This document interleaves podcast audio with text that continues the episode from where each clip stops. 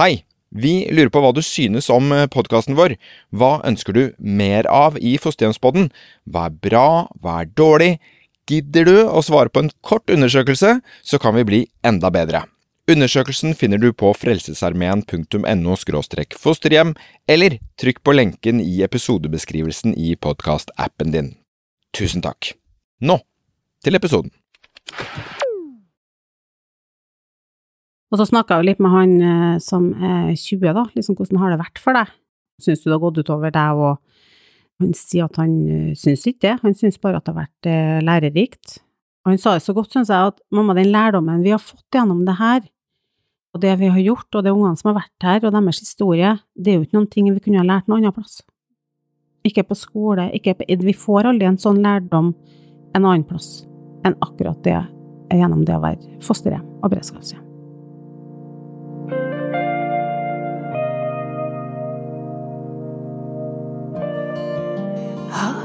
Alltid vært sånn. Ble jeg født ensom? Lå det aldri i kortene for meg å ha en familie og slå leir? Velkommen til Fosterhjemspodden. Vi har tatt eh, turen til eh, Trondheim i dag for å snakke om eh, hvordan det å være et fosterhjem påvirker familien. Kommer ekteskapet til å ryke? Hva med egne biologiske barn? Og må man egentlig være en perfekt familie? Og her sitter vi altså rundt et bord i en stue. Og det bordet er ganske herja. Det er ganske mye hakk. Og det er til og med rippbeinlige ting her. Ja. Det er som det trærne du ser i skogen når du går tur, skal du si. Og det står noen navn og beskjeder og Det er mange unger som har sittet ved det bordet her. Det er jo et uh, bruksbord. Det er jo litt sånn i det huset her, og det er jo Ja, når man er fosterhjem og beredskapshjem, så slites det jo litt. Inventar og det som er. Derfor har det bordet bare fått stått, for neste gang så blir det like ille. Så det, men det er jo litt sjarmerende òg at det er sånn. Så her er noen som har sittet og tegna litt hardt og skrevet litt hardt når de har gjort lekser. Hva er det som står i rippa inn i bordet her? Det er noe tall, og det er noe hjerter, og det står noe love en plass her, ser jeg, og det står noen navn. Mm. For vi er jo ikke i et helt uh, vanlig hjem. Hva slags hjem er vi nå, Linda? Mm, I et eh, beredskapshjem, skråstrek fosterhjem, på Hemdal. Mm. Hva er et beredskapshjem egentlig? Høres nesten litt sånn militært ut? Ja, det gjør egentlig det. Jeg tenkte på før du sa det nå, at det er egentlig et ord som er litt sånn beredskapshjem. Ja, det høres litt uh... Det sitter noen snipere i vinduet her, og det er gitter ja, på sånn. Ja, man er i beredskap, man er jo det, men det er jo et hjem som tar imot barn um, akutt, da, når um, det er barn som akutt må flytte ut ifra sitt uh, hjem til sine foreldre. Da kommer de hit i en sånn eh, mellomfase, da, til man finner ut hva, de, hva som skal skje med dem, og hvordan, hva de trenger, da. Mm. Hva er det som skiller et beredskapshjem fra et vanlig hjem, egentlig? Eh, beredskapshjem er jo, middel, det er jo midlertidig. Eh, så ungene kommer jo hit og skal være bare for en, ja, den mellomfasen da, til det er avklart hva som skal skje med ungen. da, Om eh, den skal tilbake til biologiske foreldre, eller om de eventuelt skal flyttes i et uh, fosterhjem, da. Så det er jo litt mer kortvarig. Skal være. Ofte så blir det litt lenger enn uh, det det kanskje burde vært. For det er jo greit at det er så kort som mulig når uh, Ja, for ungene når de skal flyttes igjen, at de ikke er så lenge da, på det akutte i beredskapshjemmet, synes jeg i hvert fall, da. For da knytter man seg til dem. Vi knytter oss til dem, og de knytter seg til oss. Så det beste er jo at det skjer ganske fort, men vi har jo erfart at det tar litt lengre tid. Hva er vanlig tid, da? Jeg vet ikke hva som er vanlig lenger, kanskje du må hjelpe meg litt der, Ronja. Men uh, vi har jo opplevd å ha plassering i Ja, det går fort et år, syns jeg, da. Og vi hadde noe plass opp i ett og et halvt år. Det er noe sånn det er til oss. Uh, ja. Mm. Ja, Linda, du er jo Sier man beredskapsmor? Man gjør ikke det? Fosterhjemsmor, men i beredskapshjem? Ja, jeg kaller, ja. Jeg vet ikke hva jeg kaller meg sjøl. Når folk spør hva jeg jobber med, så sier jeg egentlig at jeg er miljøarbeider. For jeg, egentlig så er jeg ikke så glad i når verken fostermor eller eh, Jeg vet ikke, det høres så rart ut. Det er liksom belasta, Ja, det er det. Ja. Ja. Ja. Mm, men det er nå det som er oppgaven, ja. Og da er du i beredskap hele tiden for å kunne ta imot uh, de som trenger et hjem Mm, akutt. Mm. Eller kan være ganske akutt. mm. Hvor mange har du hatt innenfor veggene?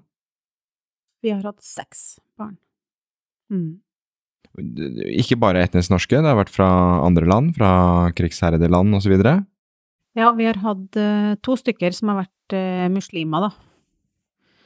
Og da Ja, det er jo litt andre hensyn å ta, det var veldig nytt for oss òg, så vi måtte jo Det er en del nye ting å sette seg inn i.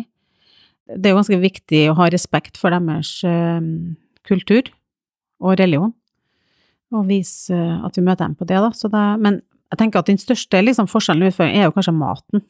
At man ikke serverer svin og Så feirer de jo ikke samme høytiden som oss heller, da. Så der må man forhøre seg litt. Hva tenker dere om at de feirer jul med oss? Og ja, så har de jo ramadan, at vi må vise at vi kanskje ja, tilpasser oss, sånn at vi er med og feirer det sammen med dem, og vedlikeholder litt av deres eh, kultur, da.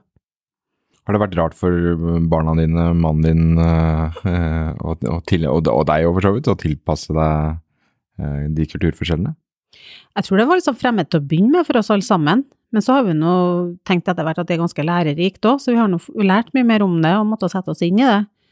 Og mm, etter hvert så blir det egentlig ganske sånn eh, Det blir lett egentlig å forholde seg til det. Det blir litt sånn naturlig. Så det er ikke så store omveltninger og store utfordringer med det, syns jeg ikke. Anja, du er jo da fosterhjemskoordinator. Mm, det stemmer. Da har vi presentert deg også. Du Ja. sitter også rundt det bordet her og, og driver og skribler inn uh, noen greier på bordet du òg. Ja. For navnet ditt, du òg. Lager et mer- merke her. Nei da, for, de Jeg som- her. for de som ikke ser deg, så skal vi ikke uh, sette deg i noe hærverksbås. uh, Men eh, du kan jo si litt om det. Hva, hva, hva er normal tid for, et, for en beredskapsplassering, om det er det man kan kalle det? Ja, altså det er, det er jo veldig varierende, men eh, i utgangspunktet så skal jo ikke det være en, eh, en langtidsplassering. eh, så, så kort som mulig. Men ofte så, så går, det, går det litt tid, fordi barnevernstjenesten de holder jo da på å utrede en sak. Så da, da er de inne og undersøker og gjør sine, sine ting. Sånn at det kan ta, ta litt lengre tid enn det som i utgangspunktet var planlagt, da. Så det kan, eh, kan dra på noen ekstra måneder der. Nå har vi snakket litt om dette bordet vi sitter uh, rundt, som er uh, litt slitt og, og skribla i. Eh, men foruten det så ser jeg rundt meg her, og det er eh, en sofa, og det er eh, et vitrineskap med glass, og det er, altså det er et helt normalt hjem. Mm. Men Linda, er det noen forskjell på Hvis du tenker et helt normalt uh, familiehjem da, Mm. og et fosterhjem, beredskapshjem, Mm. er det forskjell der? Uh, Nei, jeg vil jo egentlig ikke si det. Jeg ser jo egentlig på oss som et helt vanlig hjem, sånn sett. Ja, vi er jo akkurat sånn som andre folk, men vi har jo egne barn. I tillegg egenfødte barn, og som Ja, vi gjør jo det som alle andre gjør. gjennom på aktiviteter og ferier og det som hører med. Mm. Er det likevel noen sånn øh, forhåndsregler man tar uh, i et hjem som skal være et beredskapshjem? Må man tenke på noe invitar eller øh, andre ting? Nei, vi har jo det litt som et sånn hensyn, det som er sagt, vi snakka nå litt om dette bordet innledningsvis, og det er jo ikke noe som Ja, vi skaffer jo ikke noen ting som vi er så veldig redd for, for det blir jo litt slitasje. Så det her er jo et sånn brukshjem der vi på en måte ikke er noe redd for at de tegner hardt i det bordet, eller vi har ikke matte under spisebordet bevisst fordi at det søles og ja, at det skal tåles, da. Tåles bruk, og tåles at folk søler og tegner. Litt, er litt uheldig, da, fordi at eh, i og med at det er litt forskjellige barn som er innom, så må man ta høyde for det. Med litt forskjellige typer utfordringer. Ja, med forskjellige typer utfordringer. Hvordan påvirker det din familie å være et fosterhjem? Eh, I første omgang så tenker jeg at det beriker jo egentlig familien. Det er jo det vi tenker. For oss er jo det her blitt en eh, Det blir litt en livsstil. Det er noe man liker å gjøre, og noe som gir oss veldig mye andre jobber jo med andre jobber fordi at det gir dem noen ting og gir dem energi. Det her gir oss noen ting. Og det, det blir jo litt annerledes fordi at jeg har jobben min hjem, og det påvirker de andre nå. Men eh, jeg tror at sånn summa summarum så gir det bare positiv påfyll og lærdom til de andre som bor her også. Hvilke tanker gjorde du deg før du eh, Ja, når, når, når ble du et beredskapshjem første gang? Eh, Jeg måtte nå telle tilbake på årene, for årene går jo så fort. Men det er faktisk, eh, jeg tror det er 13 år siden jeg. Men da starta vi først som avlastningshjem for en gutt. Så vi starta liksom litt med det, før vi liksom kjente på at det her var noe vi kunne tenke oss å jobbe litt mer med, da. Og så ble vi fosterhjem, og så etter hvert så ble vi beredskapshjem. Mm. Så vi har gjort det i ja, 13 år, mer eller mindre. det. Og hva slags familie er det som er her da, etablert fra før? Når vi starta, så Vi har jo tre gutter. I dag så er de eh, må nesten tenke, 28, 21 og 11. Så det er jo et eh, langt sprang imellom. men største har jo flytta ut, så han jo ikke, bor jo ikke her lenger. Men han på 21 bor jo hjemme, og han på 11, da. Og mannen min. Mm. Hvordan eh, var, var det en Det må det kanskje være, men var det en eh, familieavgjørelse? altså, hvordan snakket dere om, om det? Jeg tror det startet var egentlig med meg, for det var vel jeg som har ja, brent for det her og har hatt lyst til det her. Og så tok det litt lengre tid for å få med mannen min på det. Hva var det han var skeptisk til, da? jeg tror han er litt mer gjennomtenkt enn meg, da. Jeg er litt mer impulsiv og tenker at det her gjør vi. Mens han er litt sånn nei, det må vi tenke på, det må vi ja, kjenne om det er riktig. Han trenger mye lengre tid på å ta sånne avgjørelser, da. Og det er vel kanskje det som er mest riktig, for det er jo en, et stort ansvar å ta, å ta på seg ansvaret for andres barn. Så vi, ja, vi hadde jo han bred... Nei, avlastningsgutten, ja. Og så starta vi på et uh, pride-kurs. eh, Hva er det for noe? gjennom Bufetat. Det er et sånn eh, kurs for å bli beredskapshjem og fosterhjem, da.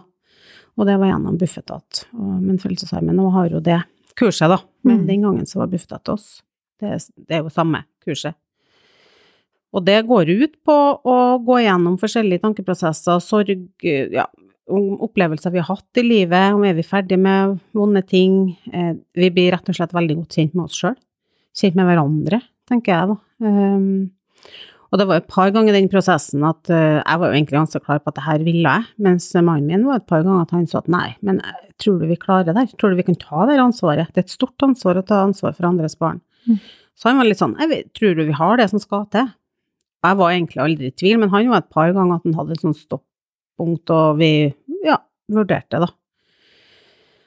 Og det kurset er ca. et halvår, fra en helgesamling av forskjellig, så det er ganske omfattende. Du skriver egen livsbok, du er gjennom hele livet ditt, og, han, og ja, mange opplevelser du har hatt, og hendelser i livet ditt, og gjennomgår sånne ting. Men når vi er ferdig, så konkluderte vi med at eh, vi hadde lyst til å gjøre det her. Da kom jo han jo dit. Og da ja, ble jo den avgjørelsen tatt. Og ungene våre ble jo selvfølgelig spurt den gangen sine De var jo ganske store, så Og de ble jo hørt, dem òg, og sine meninger. Og de eh, Han største var litt sånn Ja ja, det er ikke så farlig for meg, for jeg skal jo flytte ut snart likevel. Så han var litt sånn. Mens han eh, mellomsten syntes det her var kjempespennende, da. Mm. Og det er nok han som er mest engasjert ennå, og eier ungene, da. Men det viste jo seg at han største nå ble det, da. Han syntes det var kjempespennende, og ikke så upåvirka som en utga seg for å være, da. Så da tok vi avgjørelsen på at det skulle vi bli. Mm. Hva var det, Nå snakket du litt om mannen din og, og, og også barna dine som syntes det er spennende. Hva, men hva var det de eh, Stilte de typisk noen eh, spørsmål, eller hva, hva, sa de for noe? Var det bare gøy og spennende, eller var det Nei, det er jo han uh, midtersten, så han var veldig sånn mamma, jeg vil ha noen eh, Han ville ha noen fra familien. Ja, så sier jeg, men eh, hvorfor Jo, for han ville at de skulle være like oss. Så sier jeg, men vi har jo ikke noen i familien som trenger den eh, hjelpa akkurat nå, så det må jo bli noen andre. Så han var veldig opptatt av at de skal være like oss, ikke de skilte seg ut, da. Sånn at uh, ikke han fikk sånn forklaringsproblem, tror jeg, om at hvem er det, og hva gjør den her, og så han ville at de skal være like en som oss, da. Mm. Han tenkte på folk rundt? Ja. At han måtte svare for det her, og hva det var, og at det var vanskelig. Ja. Så det var det eneste kriteriet på en måte han hadde den gangen. Var det noen av dere som var eh, på noen måte eh, redd for egen familie? Altså sånn eh, Man har jo hørt om folk som har gjennomgått mm, brudd, og det har kanskje vært vanskelig i forhold til hvor mye oppmerksomhet du da fortsatt kan gi de barna du har fra før. Mm. Um, nei, men jeg husker når vi, sånn første gangen vi gjorde det her og tok imot et barn, da husker jeg at jeg sto på stua og tenkte, hva, hva er det jeg har gjort? Eh, vi som er en velfungerende familie, og ungene mine har det fint, og liksom tenk hvis jeg tar en avgjørelse som gjør at det blir vanskelig for dem, eller at det blir ødelagt det vi har, eller liksom, det er en stor avgjørelse å ta, da. Så jeg gikk noen runder med meg der, jeg måtte tenkte at uh, Nei da, det her går bra, dette får vi til. Men det var mye sånne tanker, altså, der at mm. uh, hva har jeg gjort, har jeg tatt en avgjørelse? For det var jo med å hadde en stemme inn, men de, det var jo vi voksne som tar det valget. Og da ligger jo det ansvaret på også, at det her skal gå bra. Men eh, det tok ikke lange tida da, før vi alle sammen bare fant vår plass, liksom, og følte at det her var veldig rett, da, og at det gikk veldig bra. Ja. Ja, fortell litt om det, da. Dere får eh, et fosterhjemsbarn på plass, en eh, ny i familien. Mm.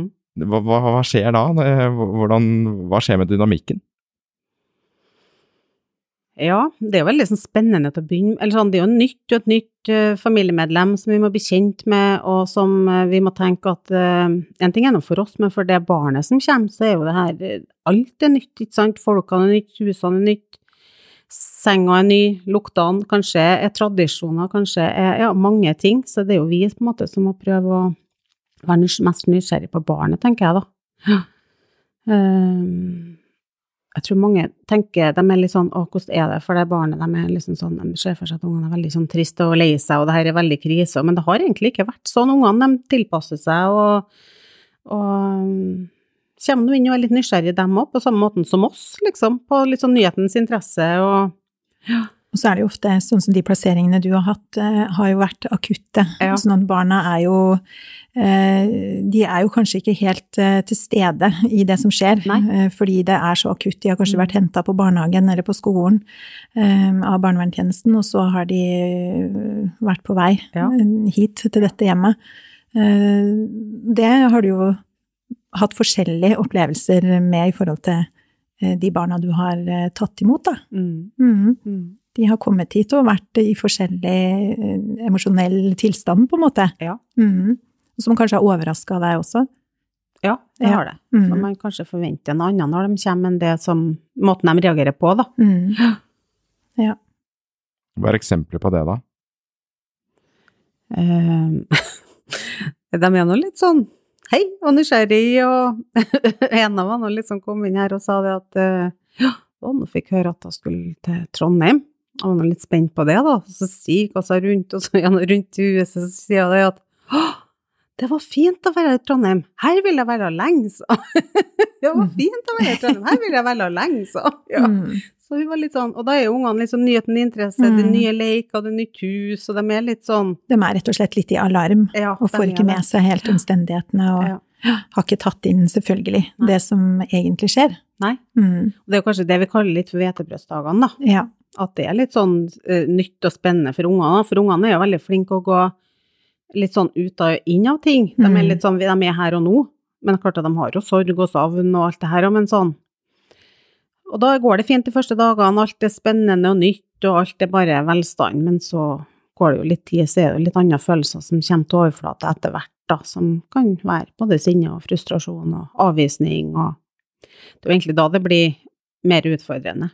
Mm. Og hvordan håndterer man det, da? ja, si det, du. eh, det, alt handler, tenker jeg, om det er å, å komme, sånn, komme, i relasjon, få en relasjon til dette barnet. Aller først trygge det, på en måte, at det er trygt å være her, vi vil ditt beste, um, og jobbe med det, da. Være sammen med dem. Møte dem på de følelsene de har. Det er greit å savne, det er greit å være lei seg. Jeg tror det er viktig å møte dem på alle dem her, da, for det skal være lov å savne, og det skal være lov å være lei seg, og like mye som å være glad. Um, så rett og slett å bli kjent, da, godt kjent kjent med barnet, være nysgjerrig på hva som rører seg bak, og historien og mm. Mm. Og så ofte så er det vel ganske mye spørsmål i, i den første tida òg. Hva, mm. hva, skjer, liksom, når får jeg treffe mamma og pappa igjen, eller um, Og ofte så vet man jo ikke det i den fasen heller. Nei. ting er litt sånn uavk- uavklart. Mm. Så det er jo noe med å stå i det også som beredskapshjem, at du har gjerne ikke de svara heller som, som du skulle ønske du kunne gi Nei. for å roe. Mm. Mm. Så Ja. Det er kanskje største forskjellen på å være beredskapshjem og Mm. fosterhjem, da. ja. For i fosterhjem så er det jo litt mer langvarig eh, ofte, og da kan man si at man vet når ting skjer, og det man vet når Mm. hva som kanskje skjer til påske eller neste sommer, eller Men det vet man ikke i beredskapshjem, så da er sånn Det er litt, blir litt sånn fra ja, dag til dag og uke til uke, da. Og så vet vi jo at de barna her, de trenger jo fremfor alt forutsigbarhet. Og det å på en måte ikke kunne gi dem Mm. det vi tenker som eh, forutsigbarhet, da, Mm. men likevel gjøre så godt man kan innafor den ramma man er i. Ja. Ikke sant? Og det å, det å roe ned, og det å liksom skjerme kanskje den første tida, Mm. Sånne, sånne ting. Gi, være tålmodig og, og gi, eh, gi oppmerksomhet til barnet som har flytta inn. Mm. Mm. Og litt i det så er det jo det å være hjem. Mm. Det, man er hjem, og på en måte lande og finne ro og uh, ramme inn og man, det er ikke første man er redd å dra på hytta eller på ferie eller på hallen, eller man bruker mye tid hjem først da, for å Mm. ja. finne ro rundt og trygghet til barnet. Da. Mm. Ja. Det kan jo fort bli litt sånn Man merker det jo også, så fort man har det med for tidlig ut eh, og rundt omkring, så, så kan det bli litt kaotisk, og de blir utrygge, og Mm. mm, Så de kan ha stort behov for å, for å roe ned, da, og, Mm. og bli kjent eh, Mm. i, i sitt nye hjem. Mm. Mm. For det tar vel litt lang tid, ja, å faktisk eh, bli trygg. Mm. Det tar uh, ganske lang tid. Ja. For en ting er å bli trygg her, men de har jo ofte med seg en bagasje, en hendelse, en uh, Ja, det er jo en grunn for at ungene blir flytta, det kan være mange grunner det, men uansett så har de med seg den flyttinga og utrygghet der. Kanskje har det vært utrygt til dem før de flytta hit òg, ikke sant, så vi er på en måte nødt til å tette noen hull der òg, da. Mm. Være med på trygging på det òg. Ja. Mm. Så det er en ganske lang prosess. Mm. Og så er det litt sånn paradoksalt. Jo, jo mer trygge de blir, så skjer det jo noe med følelseslivet også. Mm. Kanskje du kan beskrive litt, eh, litt det? Ja, når de begynner å bli trygge, det er jo da de begynner å vise sitt, eh, Mm. ja, sitt rette element. Da. da begynner følelsene å komme, og uttrykkene, og sinne, og frustrasjon, og gjerne avvisning. Da. Det er jo en ting vi ser ganske mye. Mm. um, til å begynne med, med disse ungene her. Det er det er så fint å ha Anja og Frelsesarmeen, når man kan ringe dit og få litt hjelp. Hva gjør vi nå? For vi blir bare avvist. Det ungen her vil ikke ta imot kjærlighet, vil ikke ta imot uh, fysisk nærhet. Um, og det er jo sånn som du snakker om, at vi er en vanlig familie, sant. Og det, det er ikke så lett bestandig å vite, for, for disse ungene her, de agerer kanskje på en helt annen måte enn det du er vant til, for du tenker at de kommer hit og vil egentlig bare ha ja, du har masse kjærlighet å gi, ikke sant? Trygghet, varme, kjærlighet, og overøse dem, men så ta, kan de ikke ta imot det. De vil Mhm. liksom ikke ha den kjærligheten du prøver å gi dem, Mm. i en periode, i en overgang. Og det, det kan være litt utfordrende, da. Mm. Men der òg er det litt sånn sakte, men sikkert, hvis man gir dem Det er jo tid ofte det handler om erfaring, syns Eller har vi erfart, da, at uh, gir du dem nok tid, så tar de imot etter hvert, da. Mm. Mhm. Men man må være tålmodig, og man må møte dem på Man må gjøre det på deres premisser, da. Mm. Den tida det tar for dem. Og dette virker jo å være veldig, veldig viktig, at man skaper denne tryggheten, og, og at uh, får de til å ta imot den kjærligheten. Mm. Men på samme måte så er jo dette et beredskapshjem. Det skal i utgangspunktet vare kort. Mm. Hva, hvordan tenker du om det å tenke at det kan ta kanskje Si at det tar et år, da. Mhm. Å bygge opp en nærhet, Mm. en god relasjon. Mhm. Endelig er man der, kanskje. Ja. Ha det bra. Og det, Det kan det være. Ja, det er brutalt. Det er Og det er ganske krevende.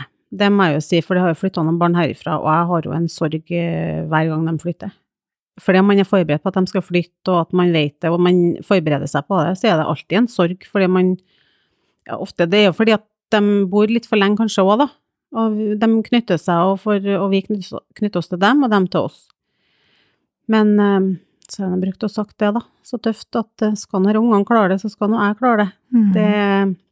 Jeg er voksen og har, har det trygt og godt i livet mitt, så jeg så klarer den sorgen. Så noen må jo være der og stå der sammen med dem når livet deres er vanskelig, da. Mm. Mm. Men eh, det er tøft. Ja. Mm. Det, og jeg tenker at det kan være veldig viktig også å ha en sånn god rolleforståelse på forhånd, før man Mm. går inn i et sånn type oppdrag, for Mm. man vet at barnet kommer fort, eh, eller kan komme fort. Mm. Eh, kan komme på to timer, liksom. Mm. Så det, det kan gå veldig raskt. Eh, og vi har ikke noen garanti for hvor lenge barnet blir. Eh, og man, eh, i mange tilfeller så rekker man jo å knytte bånd, sant. Mm. Og ikke bare beredskapsforeldre og, og, og det barnet som er plassert, men, men også biologiske barn. Mm. Eh, hjemmet ja. rekker jo å knytte seg. Mm. Mm, De gjør det. ja.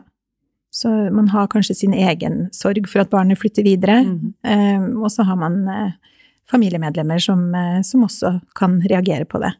Ja, så må man ta vare på flere sammen, da. Mm. Men det skal nå sies det at det er en veldig sånn god følelse å vite at man har vært den viktige personen for det barnet i den kanskje mest akutte Mm.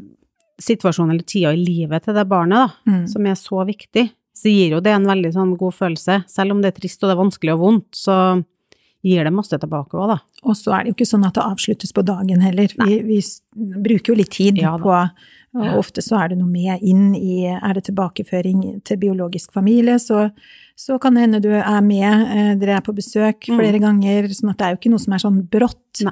Ehm, ja. Rett og slett for å ivareta eh, barnet spesielt, men òg de andre relasjonene rundt, da. Mm. Mm.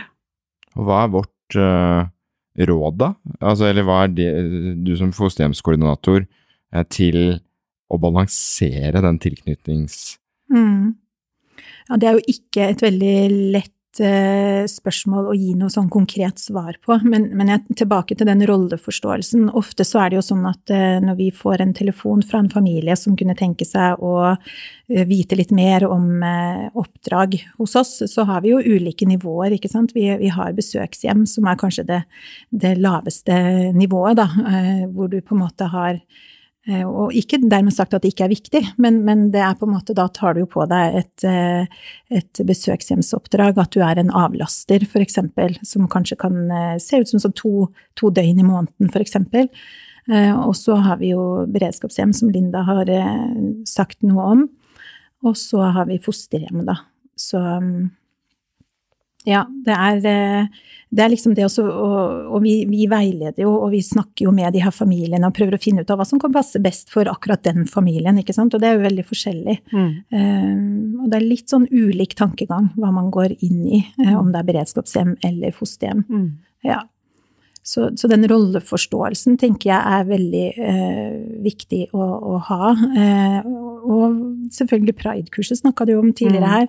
Em, det er jo et forberedelsekurs, så det skal jo gi hjemmene en, eh, en eh, nok tid da, og nok kunnskap og innsikt til å kunne vite hva som passer best for dem. Sant? Så eh, i løpet av den prosessen så har de fleste familiene et godt bilde av hva som blir rett for dem. For skal du ta på deg oppdrag som beredskapshjem, så må du på en måte takle det at barnet skal ut igjen. Mm. og, og em, det å støtte barnet videre Mm. inn i eh, nye relasjoner. Altså enten skal barnet inn i et fosterhjem, eh, som òg er fremmed, ikke sant, som Mm. regel, for barnet akkurat der og da. Eh, eller så skal barnet tilbake igjen til eh, biologisk familie. Mm. Mm. Sier man dette tydelig til eh, fosterbarnet? Hva som typisk skal skje? Ja, og det er jo noe vi tilstreber. Nå er jo det barnevernstjenesten eh, sitt eh, hovedansvar, det å gi informasjon til, eh, til barnet som er plassert. Den informasjonen man kan gi underveis, den, den er jo viktig at barnet får. Og så er det jo gis informasjon i forhold til alder òg, ikke sant. Så det, det er jo forskjell på åssen type informasjon en fireåring får, i forhold til hva en 15-åring får. Men, eh, men det er viktig eh, å gi informasjon som Og gi mest mulig eh, forutsigbarhet, da. I, I en ganske kaotisk situasjon som en beredskapsplassering kan være. Mm. Mm. Men vi kan jo fortsette litt på dette med eh, Det er veldig interessant dette med at det varer såpass eh, kort som det gjør, da. Mm. Um, føler du, Linda, at du må holde litt igjen? For ikke komme for nær? Altså, Eh, Eller eh, er det best å bare øse over, holdt jeg på å si, med det som føles riktig? Um, det blir nok bare å øse over, for det er ikke noe som er Det bare Nei, jeg klarer ikke å holde igjen. Det man, man bare utøver det man gjør, tenker jeg. Bare sånn Jeg tror det er det beste for barna uansett. Altså. Jeg klarer ikke å holde igjen. Jeg må bare gi alt jeg har. Så det tror jeg Det gjør nå i hvert fall jeg. Det tenker jeg kanskje er det beste for barna nå. Det er vanskelig med noe annet, da. Og mm, så må man bare støtte ungene på best måte når de skal flytte, og støtte dem på at det her er det beste for dem, at de får det fint der de kommer, og at dette går fint for meg. Mm. Og det gjør det jo, og det er jo ikke farlig med sorg, skulle jeg si, men eh, det er bare viktig at man får bearbeide og snakke om det etterpå, ikke sant, og det gjør man jo med veileder og Frelsesarmeen, og ja, og det går jo bra. Det er bare at jeg syns det er veldig trist når de flytter. Jeg blir jo veldig glad igjen. Ja. Ja, gjør jo det. Mm. Jeg tenker at uh, ungene merker det veldig godt, eh, om det kommer rett fra hjertet, Ja. ikke sant. Når du bygger relasjon, Mm. eh, så vil de gjennomskue eh, en voksen person, Mm. hvis ikke det der kommer, eh, kommer fra rette plassen. Mm. Eh, Og da får man jo heller ikke til å jobbe den relasjonen så trygg og god som, som er nødvendig for å trygge barnet og, og få til det man trenger å få til. Og gi barnet det som barnet trenger. Så eh, jeg støtter den veldig, at jeg tror, tror ikke noe på å bremse opp. Samtidig så må man kanskje ha i bakhodet at barna her skal flytte eh, på et tidspunkt. Vi vet bare ikke helt når. Så man må klare å leve i den uvissheten en Mm. periode. Eh, og, og det kan være frustrerende, sant? Mm. Eh, fordi du får ikke alltid de svara du vil ha heller fra barnevernstjenesten. De holder på å utrede saken, og, og, og det er ikke svar å gi akkurat, eh, akkurat på det tidspunktet. Um, så man må bare holde, holde seg fast i båten og liksom Mm. eh, gjøre så godt eh, man kan, Mm. ut ifra det man vet. Det er nok det som er det mest utfordrende med det midlertidige, da. At man Mm. aldri vet, aldri kan gi ungene gode svar, ikke sant, ikke noe forutsigbarhet. Det er litt sånn, Linda, hvis det er i sommer, kan vi bade, for eksempel? Det er sånn, ja, selvfølgelig kan vi det, ikke sant, og det er jo Mm. vondt når ungene spør om det. Ja. men man, For du vet jo ikke om de er nei, jeg vet ikke jeg sånn. heller. Hadde jeg visst det, Mm. skulle jeg jo trygga dem på det, men det vet jeg jo ikke, da, så det er Nei. ganske tøft, da, å stå i sånn. Mm. Og, men man lærer seg jo noen strategier og teknikker der, og på hvordan Ja. man skal møte dem, og Mhm. så man blir jo mer og mer øvet på det òg, da. mm. Men, eh, og så er man jo, sånn, for om det er trist, så, så er man jo innstilt på at det skal skje. Og det gjør jo noe annerledes enn om man er innstilt på det langsiktige eller langvarige, Mm. for det er annerledes. Ja. Og da hadde jo vært enda verre hvis den plutselig blitt flytta, ikke sant, men nå Mm. vet jo jeg at de skal jo flytte, og ungene mine vet jo også at de skal flytte, så de er jo innstilt på det. Ja. Selv om det blir en tomhet for dem òg når de flytter. Mm. Mm. Og selv i fosterhjemsoppdrag så har man heller ikke noen garanti for når barna eh, eventuelt flytter videre. Så det, det, det er den lille risikoen man, eh, man eh, har i seg hele tiden. Mm. Mm. Og bare for å ta det, da. Hva betyr det å flytte videre? Eh, Fra beredskapsplassering, tenker du? Ja. Eh, Det er jo når eh, saken er på en måte utreda, og, og saken kan ha vært oppe i, i fylkesnemnda, eh, og barnevernstjenesten har ført saken opp i nemnda, ikke sant? og det har tatt en avgjørelse på, på hvor barnet skal videre hen. Og det, da er det, som vi snakka om tidligere, i, tilbake til biologisk familie har vi jo opplevd, eh, og, eller videre i, i fosterhjemsplassering, da. Altså i et fosterhjem. Fra beredskap til fosterhjem. Fordi det rett og slett ikke er tenkt at beredskapshjem skal være noe varig. Ja, det er akkurat det. Mm. Så tenker jeg jo at eh, beredskapshjem eh, ofte får spørsmålet. Hvis det fungerer godt og relasjonen har blitt trygg og fin og man ser at barnet trives godt, så er det mange beredskapshjem som opplever å få spørsmål om å bli fosterhjem. Mm. Så, så når, når samarbeidet har fungert godt og, og barnet trives og, og det er beslutta at barnet skal bo i fosterhjem, så, så ja, er vår erfaring at det spørsmålet kan komme. Ja. Mm. Og et alternativ, da, hvis man Mm.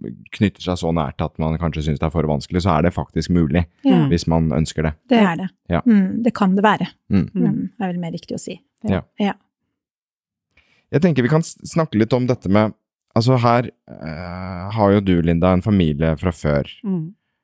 Og i veldig mange familier nå så er jo det veldig vanlig eh, at det er eh, mange aktører. Mm. Det er, eh, Det er eh, bonusbarn. Mine, dine. Mm. Eh, det er eh, Man er ikke faren eller moren til barnet nødvendigvis. Og må kanskje oppdra barnet deretter, for det er liksom ikke din rolle egentlig, osv. Mm. Um, hva betyr det for deg at det eventuelt finnes noen biologiske foreldre der, da? De biologiske foreldrene er jo veldig viktige, eh, for barnet òg. Og for oss, for å få kjennskap til barnet, få vite om barnet. Det er jo dem som har hovedkunnskapen om barnet sitt. Og så tror jeg at så lenge det- går an å få til et godt samarbeid med biologisk familie, så er det veldig fint for øh, det barnet som flytter hit òg, da. Mm, jeg tror det trygger det barnet veldig at vi klarer i hvert fall å samarbeide på, øh, ja, på en god måte, da.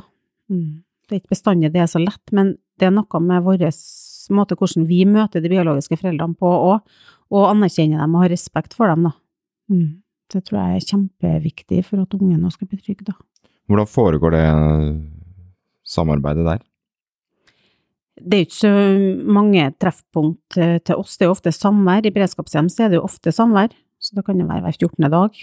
Og da møter vi dem ofte på når vi henter og bringer på samvær. Eh, Det kan være at barnet snakker med foreldrene på telefon. Foreldrene kan ønske å snakke med oss på telefon. Eh, Ja, vi har også invitert dem hjem hit, sånn at de kan få se hvor ungen bor hen. Huset de bor i, og ja, hvem som bor hjemme der ungen deres bor, da. Er det et problem at uh, fos- altså, biologiske foreldre kan ønske barnet tilbake før det er aktuelt, for eksempel? De gjør jo ofte det. Eh, Det er jo det foreldrene ønsker. Ønsker jo å ta vare på ungene sine sjøl. Så det kan jo være litt vanskelig for ungene. Bli litt sånn revet imellom. Og klart, biologiske foreldre ønsker jo å, å si til Stine at vi kjemper jo for deg, vi ønsker jo at du skal bo hjem. Vi ønsker jo det, men det er noen andre som ønsker, vil det annerledes akkurat nå. Da blir jo vi stående litt imellom det der, da, men biologiske foreldre får jo òg veiledning på det her, hva som er Mm. lurt å gjøre i forhold til Mm. hva som er lurt å si og gjøre i forhold til ungene sine, da. Mm. Ja, og så tenker jeg at det, den, å ha liksom den forståelsen av at det er, her er det ikke bare et barn som er i krise, men det er også foreldre Mm. som har mista akutt Mm. eh, barnet sitt, eller Mm. barna sine. Eh, Og det å liksom ta et skritt tilbake fra, fra den eh, hverdagssituasjonen som man står i plutselig som beredskapshjem, der du har ansvaret for, eh, for eh, hverdagen med det her barnet. Mm. Og, og også klare å, å sette seg inn, eller i hvert fall se for deg hvordan det her er for de foreldrene. Mm. Ikke sant? Og Mm. det gjør kanskje noe med hvordan du møter foreldrene også, Mm. Um, med den respekten som, eh, som jeg syns du er så god på, Linda. Uh, og det å også tenke på at uh, du skal trygge foreldrene mest mulig, Uh, og, og noe med det at nå, ja, skal jeg ta vare på barnet ditt eh, så godt jeg kan, og jeg trenger litt informasjon Mm. fra deg, ikke sant, og, og god kontakt, og, og også vite hvor bra det her gjør det barnet som, eh, som, er, eh, som bor hos deg, da. Mm. Mhm. Jo mer informasjon man får om Mhm. barnet i forhold til Det kan være så enkelt som leggerutiner. Har du Mhm. døra åpen? Har du lyset på? Eh, bruker du å ligge med vinduet åpent? Alle sånne ting som vi klarer å få det litt likt som det har vært, da. Gjør det jo trygt for ungen, men da trenger vi jo informasjon. Mhm. Og da er jo de biologiske foreldrene ofte det beste til å gi den Mm. informasjonen. Jeg tror at de må føle seg litt eh, respektert og ha litt medvirkning, da, hvis Mm. man klarer å få til den dialogen der, da. Ja, At de blir litt anerkjent som Ja. eh, foreldrene til barnet. Ja. Mm. At de har kunnskap om barnet sitt, Ja. og det som er viktig. Som er viktig, ja. Mm. Er det noen tilfeller også hvor uh, det ikke er aktuelt å ha den kontakten? Det kan det være. Ja. I visse eh, situasjoner så kan det, kan det være det at barnet må skjermes. Mm. Kanskje spesielt i de situasjoner hvor man, man har mistanke om eh, vold og overgrep og, og sånne ting. Men eh, det avgjøres jo i, i hvert enkelt eh, tilfelle, da, så det Men, men det kan skje. Mm. Hvordan forholder man seg til et barn som ønsker å dra hjem, da? Til biologiske foreldre som ikke man kan dra til? Ja, så man ikke kan treffe på samvær og, og sånn. Ja, eller, Mm. eller hvis man vil virkelig tilbake til biologiske foreldre som ikke har, kan ta det ansvaret. Ja, og det, det kan jo skje, ikke sant? At det blir bestemt at barnet kan ikke flytte, kan ikke bo eh, hos biologisk eh, familie, og det kan jo utløse en, en stor sorg eh, hos barnet. Mm. Eh, Da må man eh, trygge barnet så godt man eh, klarer videre, rett og slett. Men, men det kan være store følelsesuttrykk eh, i det. Ja. Eller det kan være at det ikke kommer noen følelser, sant, der og da. Så det, det, er, ikke godt å, å si hvordan barnet reagerer på det. Men det er klart at det vil være en stor, eh, stor endring i livet til barnet. Mm. Og, og, og bli plassert videre. Hva med egne dine egne barn da, Linda? Mm. Og har du noen gang vært redd for at uh, du ikke har nok overskudd til de? Eller at de blir på en måte nedprioritert? Ja, jeg må jo si at jeg har jo strefa innom de tankene, fordi at det, når et eh, nytt barn kommer inn i en familie, så er det ganske altoppslukende. Det er liksom det alt handler om. Mm. Eh, mine barn på en måte, har det noe trygt og greit, og så det er liksom, de bil satt litt på vent, da. Men vi er jo heldigvis to voksne, så det vi må gjøre ofte, er å dele oss en del. Sånn at vi Ja, vi vi, blir, vi deler oss en del både på aktiviteter og i hjemmet, og vi har jo ei ja, hytte som ikke er så langt unna, så da kan det hende at noen må dra på hytta mens jeg eksempel er hjemme alene her med det barnet, for trygging og få ro og mm, litt sånn. Er det tøft for eh, Er du gift? Ja. Mm. Hvordan er det for ekteskapet? Ja, jeg har grubla litt på det der, da, og klart at uh, man kan jo ikke regne med å få gjøre alt sammen, sånn som man kanskje har gjort før. Eh, Og det kan jo være i aldersspenn på ungene, sant. Våre unger er kanskje litt voksnere, så kommer det inn små barn, og noen vil på en voksen kino, noen vil på en barnekino, så må vi gå på to forskjellige kinoer, noen vil være i slalåmbakken, noen vil være i akebakken, så må vi dele oss der. Noen av ungene kan ikke være med i idrettshallen, for eksempel, for det er for mye lyd og for mye støy, og da er det en av oss bare som kan være med og se på håndballkampen til vårt eget barn, da. Mm. Så det er jo litt, så man må innstille seg på det, at eh, det, blir litt annerledes, da. Men eh, vi syns ikke at det har vært noe problem heller, da, fordi at vi må Vi finner andre ting da, til å gjøre sammen og være sammen, og tenker at eh, styrker også på mange måter. Vi er nødt til å samarbeide, vi er nødt til å prate sammen, vi er nødt til å legge en plan, vi må ha forståelse, vi må Ja. Så det Jeg tenker at det har eh, Måten å snakke sammen og samarbeide på har, blir bedre, da. Mm. For det er jo lett å trekke fram ting her som kan være utfordrende, Mm. uforutsigbart. Mm. Men uh, hvis vi skal prøve å være litt positive til dette òg, da. Mm. eh, hvorfor velger du det likevel? Det spørsmålet jeg har jeg fått mange ganger. Hvorfor gjør du dette igjen, liksom? Det er trist for deg, det er sorg, det er vanskelig. Men det er jo så utrolig givende, ikke sant. Det gir jo så masse. Og for meg er dette blitt en livsstil. Det er liksom det her jeg lever og ånder for. Å ta vare på de her barna som er i en vanskelig livssituasjon. Og man føler seg at man gjør en forskjell, da. Og at uh, ungene har det bra, og at på tross av at de er i en vanskelig situasjon, så får man gjort noe positivt for dem, og være en god base for dem, da, i det vanskelige. Mm. Mm. Hvordan har det vært å jobbe med Fordi eh, det du ofte har sagt til meg, da, det er Mm. liksom det å jobbe på team. At du føler at du hører til eh, et sted. Mm. Eh, og at du, du Selv om det har vært krevende perioder, og, og som du ofte du og familien din må stå i eh, Mm. alene, Mm. kan du si. Altså hverdagen har dere jo alene. Mm. Så har du på en måte ikke kjent deg alene alltid. Altså du har, du har, du har kjent at det har vært et team rundt deg. Hvordan har det vært å samarbeide eh, med det teamet? Eh, Det er jo det som er så fint, at du alltid har noen i, i bakhånda. Så jeg, når det som jeg sa, at når du blir avvist, når ting er vanskelig, og du kanskje står litt fast sjøl fordi at du synes du har prøvd alt, og verktøykassen din er tom, du Mm. står der og det er ikke noe mer verktøy igjen, hva gjør jeg nå? Mm. Så er det liksom bare en telefon unna til det er ekspertise og hjelp som sier hva gjør jeg nå? Der de hjelper deg da, til å ta et steg tilbake, som du også sier, da, at Mm. hva, hvordan løser vi det her, der du kan få noen forslag og, Mm. til løsninger, eller det du kan prøve på, da. Eller at man kan av og til bare liksom lure litt på hva, hva man skal gjøre sammen, ikke sant? Det er jo ikke alltid vi finner svaret med en gang. Nei. eh, Fordi det er jo sjelden noe fasitsvar med, med det arbeidet som, som du gjør, ikke sant? Eh, Det er avhengig av eh, tid og sted og personer og, og alt det. Men, eh, men det å liksom kjenne at man kan dele ansvaret litt. Ja, for det, det er jo mange ganger jeg har gjort ting, og så har jeg tenkt, gjorde jeg rett nå? Eh, Mm. Eller skulle jeg gjort det annerledes? Og da kan jeg ringe eksempel til deg og spørre, vet du, nå har jeg, nå skjedde sånn og sånn, jeg gjorde sånn og sånn. Mm. Og jeg aner ikke om det var jeg gjorde det rette, eller om der du kan si, Mm. jo, men jeg tenker at det var det riktige å gjøre, eller kanskje Mm. du kunne ha gjort sånn, eller man snakker litt sammen om det da. Mm.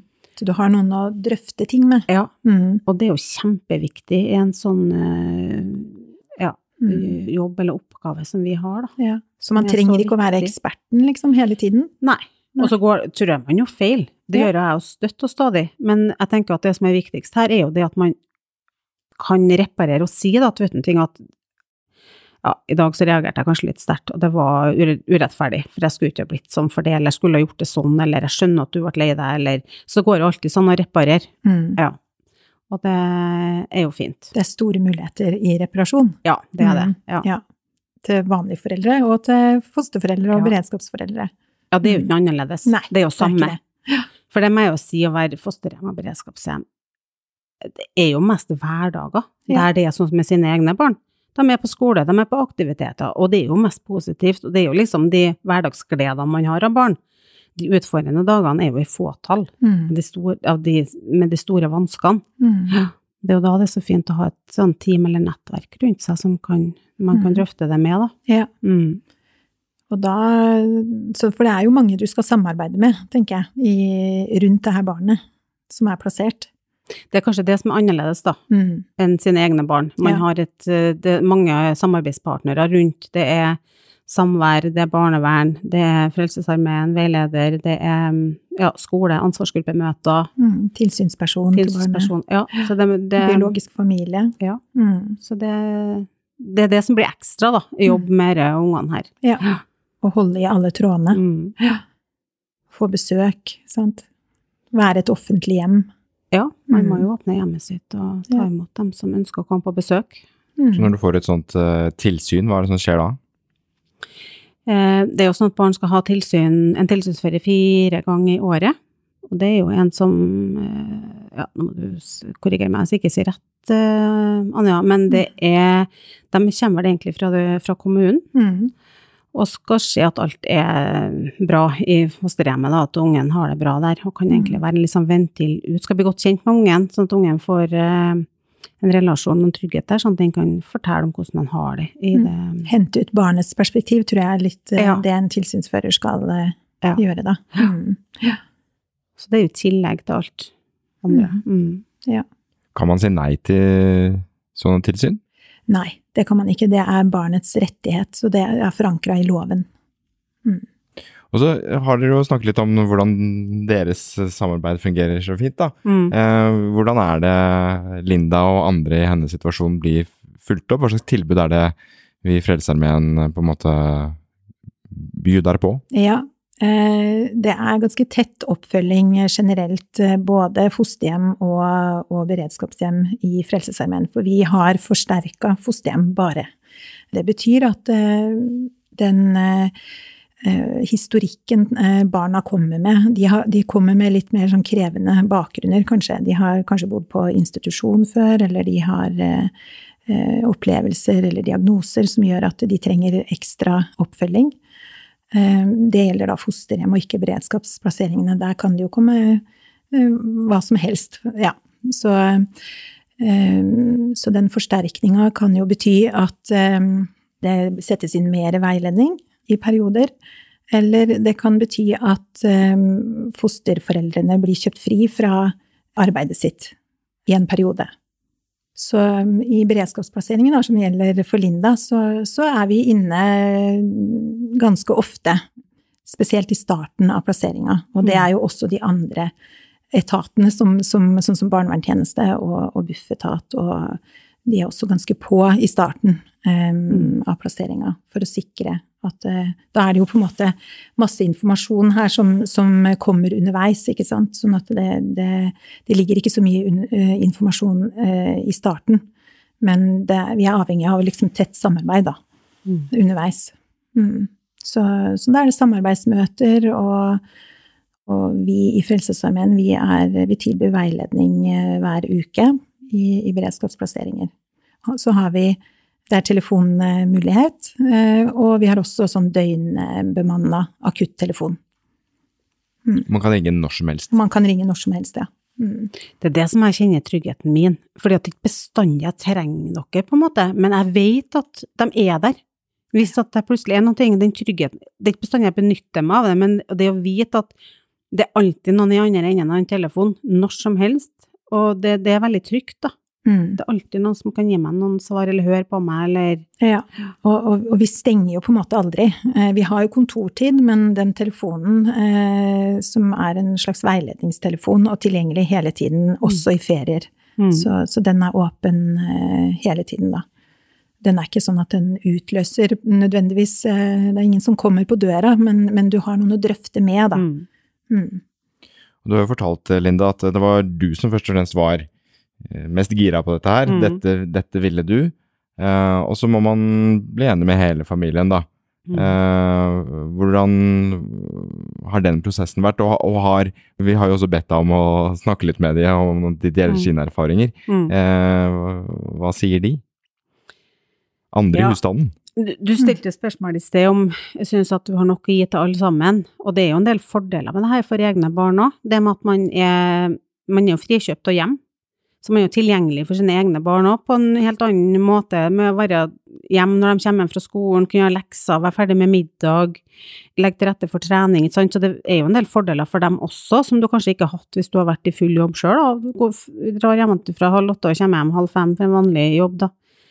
Og det har nok ikke de tenkt over så mye sjøl, men når vi snakker om det, så ser de jo det at den tilgjengeligheten å ha, hatt meg hjem har vært veldig fin, da. Det er veldig sånn fint at noen er hjemme og spør hvordan har de- dagen din vært når du kommer hjem.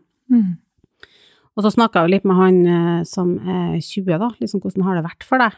At vi har gjort det her i så mange år, liksom, syns du det har gått utover deg og eh, Han sier at han uh, syns ikke det, han syns bare at det har vært eh, lærerikt, og at, eh, ja, at han har fått en større forståelse da, og kompetanse for andres situasjoner.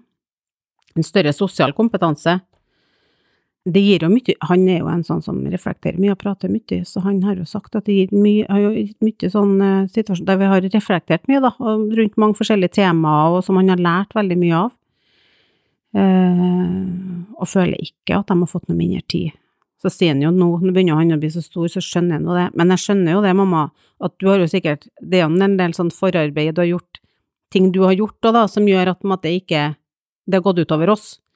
Jeg har, I og med at de er så mye større enn de andre ungene ofte, så har jo, tar jeg med dem på en egen tur, for eksempel ut på reise, eller vi er ute og spiser, eller vi har egne opplevelser med de store guttene sjøl, som har gjort at de, vi har fått noen opplevelser sammen. Ja. Uh, og så handler det kanskje litt om hvordan vi bor, for vi har jo lagt det litt sånn til rette at guttene har rom ned, og der er det en port, og den porten er ingen som kommer ned hvis ikke de er invitert ned i kjelleren der de bor, så de blir litt skjerma samtidig for det som skjer opp her, og det synes han har vært veldig fint. Men han inviterer dem ofte ned, da, for han er veldig interessert og synes det er veldig artig med ungene her, da. Ja. Ehm, og så sier han det at uh, de har jo ikke noe ansvar for dem, men kanskje hans største ansvar, som han sa sjøl, det er det å være en god rollemodell for de ungene som eh, kommer inn, da, for en kortere eller lengre periode, da. Ja. Mm. Og han sa det så godt, synes jeg, at mamma, den lærdommen vi har fått gjennom det her, og det vi har gjort, og det ungene som har vært her, og deres historie, det er jo ikke noen ting vi kunne ha lært noen annen plass. Mm. Ikke på skole, ikke på, vi får aldri en sånn lærdom en annen plass enn akkurat det gjennom det å være fosterhjem og beredskapshjem. Mm. Mm. Og det er veldig sant. Det er kjempegivende og meningsfylt å gi hjelp barn som har det veldig vanskelig. Ja, hva er det du syns er mest meningsfylt med det, hvis du skal prøve å sette ord på det? Jeg vet, jeg syns det er litt vanskelig å sette ord på, men man føler jo at man, man eh, gjør en forskjell, Han vet jo at de ungene her ikke kan bo hjem til foreldrene sine akkurat da, for en periode eller for lengre tid. Og at det er, det er jo kjempevanskelig for et barn å nødt til å flytte fra trygge omgivelser og eh, familien sin og skole, barnehage, alt som er trygt og kjent. Og det kan være den trygge basen og personen og familien som kan ta imot det barnet, da. Å være trygg for dem i den perioden her, det er en utrolig fin følelse. Og selv om det bare er kort, så er du vel med på litt av en sånn utvikling? Man føler alltid det. Mange ganger så føler man at det går litt trått, guri meg, det skjer ingenting, samme hva man gjør, så føler man at man er på stedet hvil, og man har sagt ting tusen ganger, men så ser man jo sakte, men sikkert at det skjer jo ting i positiv retning, og det går bedre og bedre, og det er jo veldig givende og meningsfylt. Mm. Hva sier de om, om deg og, og om, om hjemmet? De ungene som har bodd her. Mm. Eh, nei, de er veldig positive, og de ringer meg ofte, spør hvordan vi har det, og de har lyst til å komme på besøk, og de er litt sånn, Linda, hvordan er rommet mitt, står det der ennå, eller har dere vært på hytta? Så solgte vi den ene hytta, og det er sånn, å nei, dere skulle aldri ha solgt den hytta, sånn, akkurat som de skal tilbake og være på den hytta, men det skal de jo, ikke sant, men det er sånn, og de har sikkert gode minner, ikke sant, og det, man må ha gitt dem mye, mye på veien da, i forhold til opplevelser kanskje som de aldri har hatt da, vi er nå på hytta, vi er nå på ski, det vanlige tingene, ikke noe stort, men de små tingene som jeg tenker kanskje ikke de har hatt de opplevelsene i livet sitt før. Mm. Vi er nå på svømmene, vi er på hyttetur, vi er på ski, vi er glad på ski, ikke sant, og alle sånne ting som de Mm. får da, som jeg tror setter seg som Vi har gode minner sammen, da. Mm. Og mange ganger så har jeg tenkt å guri meg, jeg lurer på hvordan det føles når jeg flytter herifra, for det har vært så heftig, og jeg føler at jeg har vært sint og sur og ikke fått det til, men så får man tilbake da, ikke sant, at de har hatt det fint og trivdes, og Mm. han ene gutten som bodde der, han ringte jo tilbake til, eller snakka med meg i telefonen, og så var hun jenta som bodde der da, og så sier han, kan jeg få snakke med henne? Ja, det kan du, sier jeg. Så sier han, du er bra heldig, altså. Hva da, sier hun. Ja, at du får bo til Linda og Kjell. Og så sier hun, hvorfor det? så sier hun, ja, for det er de fineste menneskene jeg har bodd til. Mm. Og det er jo mer belønning enn noe annet Mm. av alt, når en får en sånn tilbakemelding. Så det er Absolutt. rørende fint. Mm. Tusen takk for at dere stilte begge to her fra Heimdal. Heimdal. Heimdal var det. Heimdal. Jeg sitter bare og tenker på Ranheim, hvor jeg ikke har bussplassen. Det er viktig å huske på. Andre sida av byen. Andre siden av byen. Riktig, sida av min. Mm. Nei. Det er veldig viktig sånne ting. Ja. Ja, det er det. Ja, Mm. Det sier du til fosterhjemsbarna du var innom her. Ja, det er her. Bo på riktig side av byen. Ja. Her kan vi gå på ski, og her kan vi være i snøen Ja. Nå kommer han hjem snart, gjør han ikke det, fra skolen? Ja. Ikke så lenge til det. Nei. Men han er ganske godt vant til at det er folk som kan sitte rundt bordet når han kommer hjem, så de er litt sånn hei, og så kan de gå på rommet sitt, eller ja, Mm. de er vant til at du sitter litt fremmede folk i stua innimellom. sånn blir det. Ja. Det blir jo en sånn lærdom for dem at de er vant til å forholde seg til mange, da. Mm. Det er veldig bra. Tusen takk, Anja. Tusen takk, Linda.